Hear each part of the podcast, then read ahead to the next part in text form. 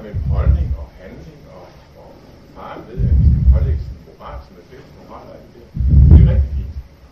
Øh, alligevel så tænker jeg, om ikke du ved det punkt 2, du afslutter med, øh, at man, hvis man fratager sine medlemmer rettigheder, og her var det der LM eksempel i baghovedet der, alligevel går ind og bliver øh, og gør talsmand for, at samfundets moral, det her, det er mere end en, en, en handling. Det er mere end, en, en, øh, en, en, en, at vi skal være sammen som forskellige borgere i samfundet, hvor vi skal simpelthen en ydre handling, som kan få det til at fungere. Det her handler også om, øh, om, om holdning, om, om, om opdragelse og sådan noget. Det kommer til at gøre dig til talsmand for staten som meget mere et fælles organ for forskellige mennesker sammenliv, nemlig som et, et virkelig moralsk organ, et religiøst, et eller andet sted også.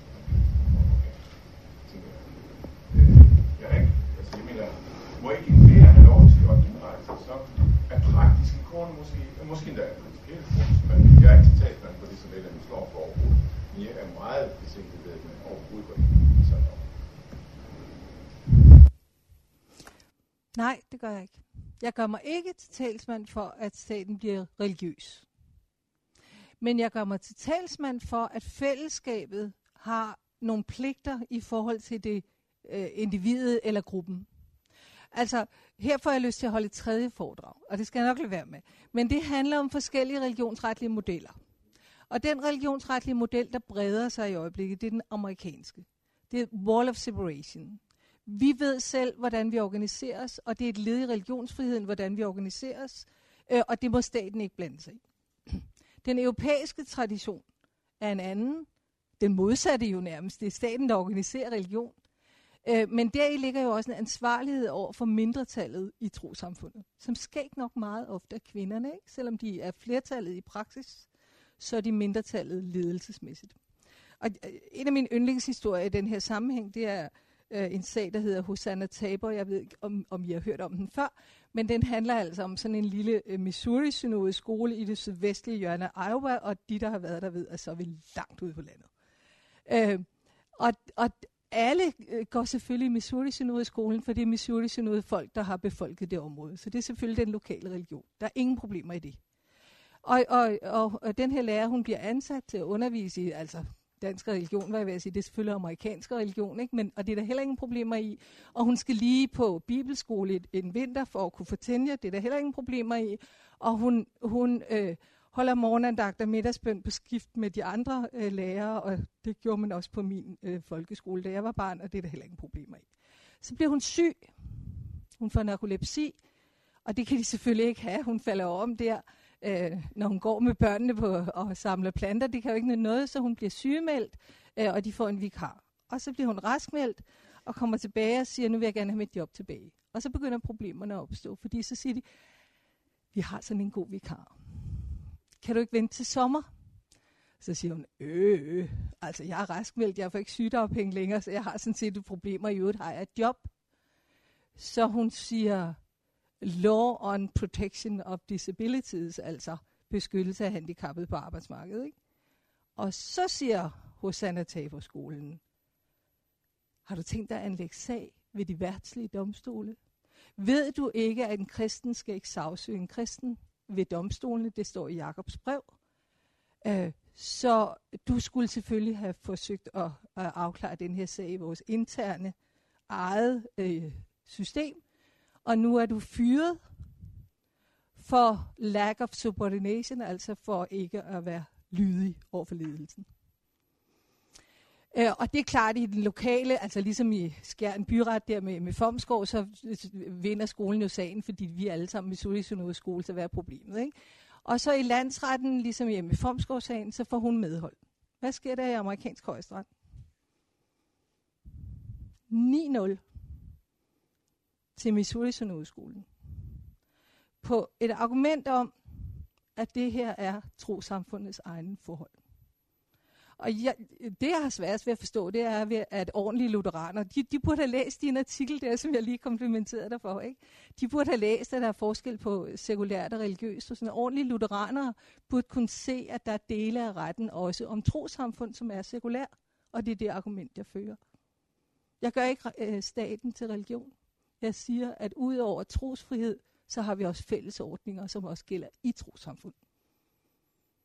De undtagelser, vi har, det er undtagelser fra fællesordninger.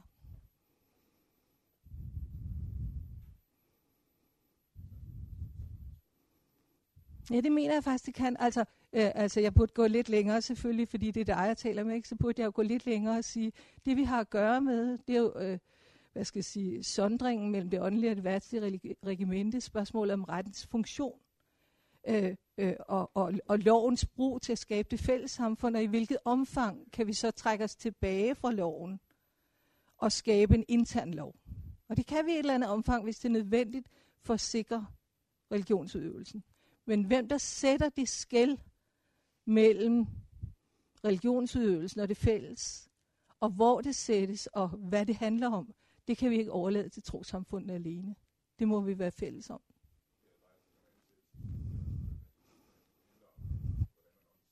Jo, jo, men det er jo, det er jo altså, øh, i, i den der konkrete sag, som vi, vi, vi begge to udtalte os om i Christi Dagblad, der havde øh, det der udvalg sagt, at hvis det handlede om forkyndere, så øh, katolsk, alle, det, det må man selvfølgelig selv vælge. Men her øh, handlede det om organisationen, og så forsøgte de at holde organisationen ude, ligesom. Jeg ved godt, at den er løst, det er også derfor, jeg har taget den med. Det er et forsøg for at skabe en samtale, præcis som vi gør nu.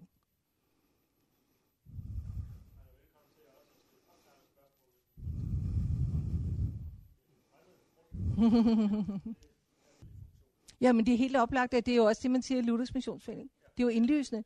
Altså i den Luthers Missions frimindighed, det handler om, der er det det, der er argumentet. Eller i en ordentlig reformeret, øh, øh, sådan, øh, sådan hollandsk, nord, nordøstlig øh, sådan, øh, landmenighed der, ikke? der har kvinder heller ikke stemmeret.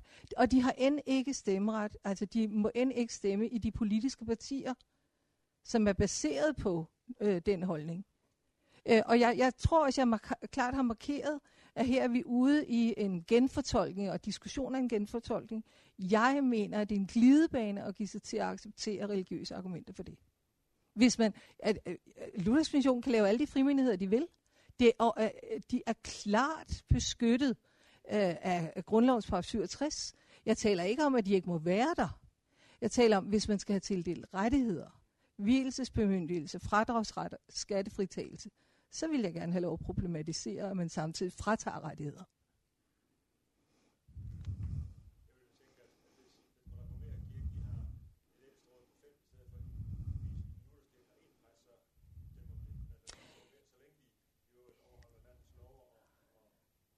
Ja, men, men, men, men det vi har fat i, det er, at, at, at AP Møller skal også overholde ligebehandlingslovgivningen. Øh, og, og spørgsmålet er, i hvilket omfang vi så kan skabe undtagelser for, at vi i trosamfundet ikke overholder ligebehandlingslovgivningen, eller reglerne om, om stemmeret osv. Øh, og det er de undtagelser, vi taler om. Ikke? Jeg, jeg taler jo ikke om, at de ikke har religionsfrihed. De er fuldt beskyttet. De kan gøre lige, hvad de vil. Jeg vil aldrig fratage dem religionsfriheden. Det er ikke det, vi tager. Og det er netop der, jeg mener, at det der notat for Folketinget går for langt ved at sige, at, at Folketinget skulle kunne lovgive. Det mener jeg faktisk ikke. Jeg mener ikke, det kan forbydes. Det er en del af religionsfriheden. Jeg vil bare ikke tildele rettigheder til det. Der var en svensk sag, øh, som hedder Åke Gren-faldet, som du vil øh, læse om med stor fornøjelse. Øh, Åke Gren er præst i en pinsemenighed, øh, og han øh, vil øh, forkynde netop mod øh, øh lovgivningen om kønsneutralt ægteskab og imod øh, racismeparagrafen. Så han annoncerede, at nu ville der komme en brandtale. Det var der ingen, der reagerede på. Så skrev han, sendte han en pressemeddelelse ud. Der kom ingen journalister. Så holdt han sin brandprædiken. Så sendte han prædiken ud som pressemeddelelse. Så var der nogen, der reagerede. Så blev der anlagt sag af LGBT-foreninger øh, osv. videre. Øh, og det handlede præcis om grænsen mellem religionsfrihed og ytringsfrihed, eller øh, om hvorvidt man kan overtræde racismeparagrafen i religionens navn. Så det var helt parallelt til den Emmy Fomsgaard-sag, øh, jeg nævnte før. Øh, og efter svensk øh, forfatningsret er religionsfrihedsbegrebet endnu snævrere end i Danmark. Altså, I Sverige har de aldrig ment, at spørgsmålet om religiøs slagtning havde noget med religion at gøre. Det er jo dyrevelfærd. Det har været forbudt siden 1938 i Sverige. Hvilket måske også siger noget om andre politiske tendenser, men det er altså anderledes. Øh, så derfor var der egentlig ikke så meget tvivl efter svensk lovgivning om, at han skulle være dømt. Men det blev han ikke, for det der skete var, at det skabte et oprør på nettet, og han fik enorm støtte fra amerikanske evangelikale kredse, netop med det argument. Øh, så svensk højesteret landede på at sige, at vi vil ikke have en dom i Strasbourg på det her. Så vi frikender ham. Og i Strasbourg ville man formentlig have fået, ville han formentlig have vundet, og så derfor kunne lige så godt give ham den derhjemme, om jeg så må Også fordi en dom i Strasbourg ville have haft meget større indflydelse. Det er jo de steder, hvor konflikterne går, ikke? Øh, måske skulle jeg kommentere det andet, du sagde med blasfemibestemmelser. Vi har jo også lige haft, og det kunne også have fyldt en tredje eller et fjerde foredrag, vi har også lige haft besøg af den europæiske, nej, af FN's øhm, special rapporteur om religionsfrihed. Heiner Bielefeldt, som er, er professor i, øh, i øh, Erlangen, katolsk baggrund. Øhm, og han siger jo helt klart, at den danske blasfemibestemmelse bliver brugt i alle islamiske lande som argument for, at man kan selvfølgelig have en blasfemibestemmelse. Øh, og det hænger jo sammen med spørgsmålet om, om det er religioner, der forhånes, eller det er mennesker, der forhånes. Øh, og jeg, jeg, jeg tror, at de strafferetsfolk, som siger det, har ret i, at vi, vi bliver nok snart af hensyn til den internationale debat nødt til at sammentænke blasfemibestemmelsen og, og øh, forbud mod ras, øh, hvad hedder det, hate speech, ikke? Racismeparagrafen. Sådan så vi sikrer, at det, det handler om, det er, at vi må ikke forhåne mennesker på en måde, der er voldsom og fører til optøj og så videre. Men religionskritik, det skal der altså være plads til i det her land. Og det var jo det, der var debatten øh, i forbindelse med Muhammed-krisen. Og Anders Fogh havde aldrig ret. Juridisk set havde han ikke ret i, at ytringsfriheden er 100%. Det er der aldrig nogen jurister, der har sagt. Men politisk var det jo en belejlig formulering. Ja. Altså vi kan jo i hvert fald godt lide at sige, at, at den der lutherske skældning mellem øh, lovens forskellige brug og mellem øh, det åndelige og det værtslige regimente og sådan noget, har betydning for den måde, vi kan sætte retten på. Ikke? Øh, og det, det mener jeg sådan set også, der er ret meget om. Men, øh, og der er heller ikke nogen tvivl om, at en lang række øh, sammenhænge internationalt, der vil man sige, at, at når man kritiserer religionen, så må religionens repræsentanter reagere på religionens vegne. Men hvis vi accepterer det, så forbyder vi religionskritik. Altså så, så genindfører vi en egentlig blasfemibestemmelse. Ikke? Kan du følge min argumentation? Hvis vi, hvis vi accepterer, at, at øh, paven er repræsentant for den katolske tro, så, så hvis jeg kritiserer den katolske tro, og øh, den der Maria øh, et eller andet og sådan noget, så har, jeg, så har paven ret til at anlægge sag og få mig dømt. Så udvider vi begrebet om blasfemi og siger, jamen, så er der ingen, altså al religionskritik vil så kunne udlægges som blasfemi og som et angreb på religiøse institutioner. Det er jo den sondring, du har helt ret i, det er den sondring, vi arbejder med, og det er den sondring, man forsøger at holde fast i i FN-systemet og i øh, Europarådet osv. Men Danmark hjælper ikke meget med det, ved netop at have en blasfemibestemmelse. Var det sort snak? Det har du fuldstændig ret i.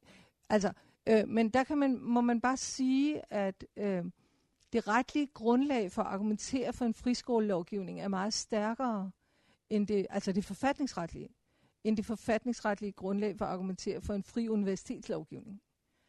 Øh, og det var det, jeg, men nu havde jeg ikke så meget tid, og har ikke gjort så meget ud af at forberede den del. Det håber jeg har sagt tydeligt nok. ikke.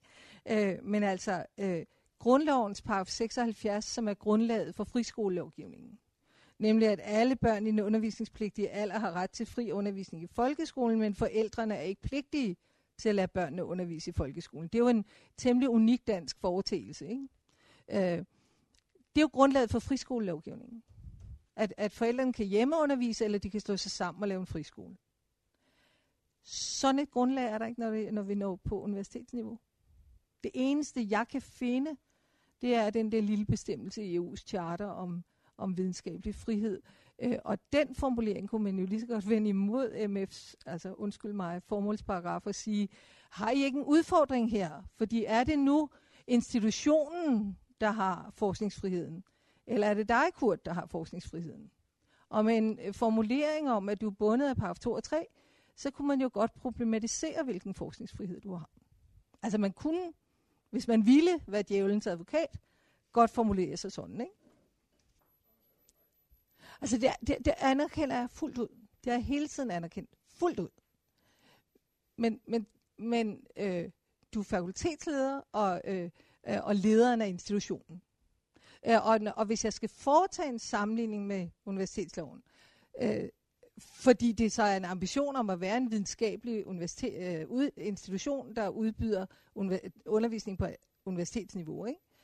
Øh, så er den oplagte sammenligning rektoratet. Og så, og så lever Thomas ikke op til kriterierne. Og så vil jeg gerne tilføje to ting. Alle de universitetsdirektører, jeg kender, de har en våd drøm om, at sådan var universitetsloven også skruet sammen. Ja. Og det samlede sundhedsvæsen, som jeg arbejdede i i 15 år, før jeg kom tilbage til universitetet, er jo blevet skruet sådan sammen. At det kan lige så godt være en administrativ leder, der er leder for, øh, for hvad hedder det, for, øh, forskerne og professorerne og lægerne og sygeplejerskerne og sådan noget. Så er universitetsloven bare ikke skruet sammen. Det andet, du siger, er, at Heiner Bielefeldt er øh, meget rigtigt interesseret sig for det. Og det var også lige derfor, jeg indskød, at han jo kommer fra øh, den katolske del af Europa, hvor øh, øh, religiøse universiteter er helt almindelige. Det er overhovedet ikke noget problem. Øh, og det fører blandt andet til, øh, at, at, at der igen er nogle interessante sager, man altid kan trække på. Og der er for eksempel sådan en interessant sag fra et katolsk øh, universitet i øh, Milano, øh, tror jeg det var, eller i Norditalien, hvor en øh, juridisk professor havde været tilknyttet i 25 år, og så øh, kritiserede han, øh, hvad hedder det, øh, den lokale udgave af den øh, katolske tro, og det kom øh, biskoppen for øre, og nu var det sådan, at når han skulle genansættes, så skulle biskoppen øh, godkende anersæt, øh, øh, genansættelsen, og så blev hans øh, ansættelse ikke forlænget. Og, og, og, så, og han sagde forskningsfrihed og religionsfrihed og alt muligt, og svaret i øh, Europa, når det handler om øh, øh, kollektivets religionsfrihed eller organisatoriske frihed over for den enkeltes frihed, er altid i en lang række domme, øh, at øh, kollektivet, altså den kollektive frihed, vinder over den enkelte. Det er altid organisationens ledelse, der vinder, altså alle de sager, jeg kender, der vinder, øh, der er to undtagelser, men ellers vinder øh, øh, organisationen. Så her, der sagde man, der var nok nogle procedurer, der ikke var overholdt ordentligt. Han havde blandt andet ikke fået forelagt de rygter, der var om hans holdninger. Det var måske meget rimeligt at, at gøre, så han havde kunne svare på, om det var rigtigt, han mente, det han gjorde. Men hvis han mente, det han gjorde, så havde den katolske kirke ret til at sige, at de ikke ville have ham genansat, og så kunne han ikke blive genansat. Og det er selvfølgelig sådan noget, som i Nordeuropa, altså ikke dernede, hvor Heiner Bielefeldt er professor, men øh, nord for Kasselgebirge, øh, fører til, at man siger Freie Universitet og vi vil i hvert fald ikke have sådan nogle religiøse institutioner. Ikke? Og det er jo den diskussion, det handler om. Øh, og i Danmark, øh, hvis man hvis I skulle have drømme om at, om at skabe en fri universitetslovgivning, så vil Bertel Hårder øh, i søvne kl. 3 om natten sige, skal vi så også have islamiske universiteter. Jamen, øh, øh, selve begrebet om private universiteter er slet ikke opfundet i Danmark. Det bliver det.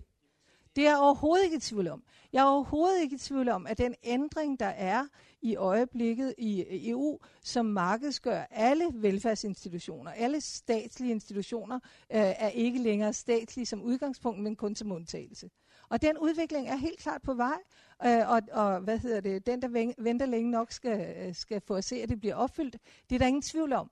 Men sådan er det bare ikke i den nordiske øh, velfærdsstat, hvor universitetet er en del af den fælles samfundsmæssige organisation, øh, og hvor friskolerne er en undtagelse i børneundervisningen.